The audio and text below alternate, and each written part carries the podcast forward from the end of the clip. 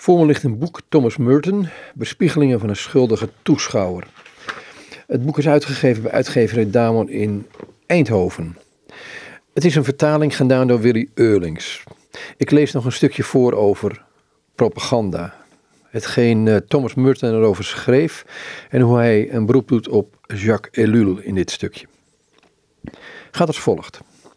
Wij denken dat propaganda altijd evident onwaar is of minstens voor een groot deel verzonnen. Een kwaadaardige en systematische verkeerde weergave van de waarheid. En natuurlijk klopt dit soms. Maar propaganda hoeft niet openlijk onjuist te zijn. Integendeel, de meer effectieve propaganda bezit een hoge mate van waarheid en is nu net effectief omdat de feiten waarop ze gebaseerd is kunnen worden gecontroleerd. Mensen die denken dat ze zo intelligent zijn dat ze niet worden bedrogen door louter propaganda, en die aannemen dat alle propaganda gemakkelijk kan worden ontmaskerd door de overduidelijke onwaarheid van de feiten, worden zelf helemaal ingepakt door de loutere subtiele variant die tegenwoordig veel gebruikelijker is dan vroeger.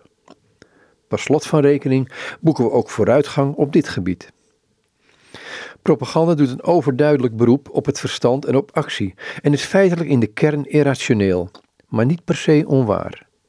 Hoeveel mensen zijn echter in staat het verschil te zien tussen een stelling die gewoon onwaar is en een stelling die juist de feiten bevat en die samenvoegt op een manier die irrationeel is en daarom eigenlijk onzinnig? Je kunt bijvoorbeeld beweren dat er communisten zijn in een bepaalde wijk en dat senator X gezien is in die wijk en beide uitspraken kunnen helemaal juist zijn. Maar wanneer je die twee op zo'n manier samenvoegt, dat je daarmee suggereert dat senator X dus een communist is en dat hij nu net in deze wijk was om een communistische vergadering bij te wonen, dan is die bewering ongefundeerd. Ze toont niet aan wat ze lijkt aan te tonen.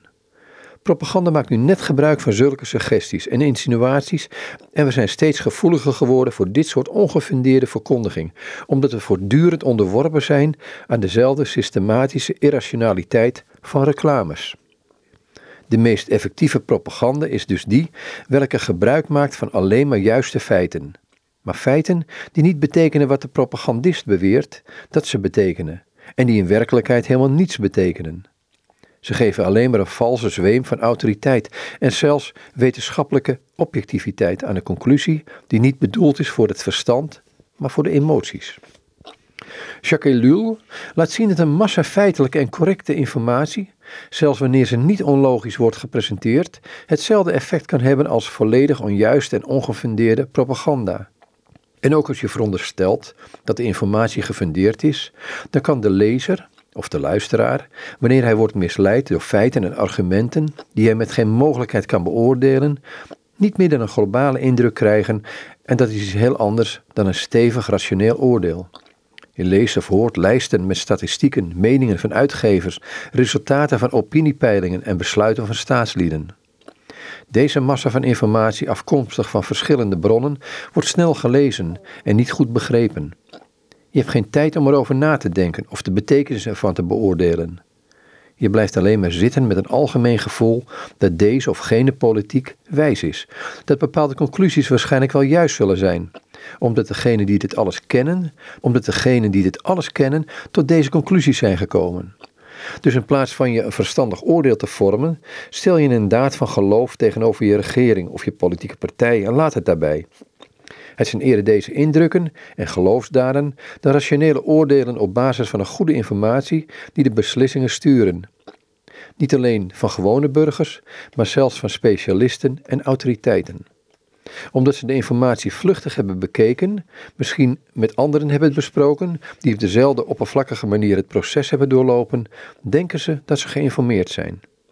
Omdat ze een indruk hebben gekregen en er tevreden mee zijn dat anderen dezelfde indruk hebben gekregen, hebben ze het gevoel dat ze een geheel rationele conclusie hebben getrokken. Door dergelijke indrukken ontstaan oorlogen. En omdat de oorspronkelijke feiten misschien helemaal niet juist waren, gaat men er maar van uit dat de andere stappen ook wel redelijk zullen zijn geweest, terwijl ze dat niet waren. Hoeveel erger is het wanneer de feiten zelf zijn gemanipuleerd of dubieus zijn, of wanneer men de relevante feiten zelfs helemaal niet kent. Aldus Thomas Merton. Hij schreef dit midden 60 jaren van de vorige eeuw en het is verschenen in een boek wat heet Bespiegelingen van een schuldige toeschouwer. In de vertaling van Willy Eurlings. En het is uitgegeven, het boek is uitgegeven bij uitgeverij Damon in Eindhoven.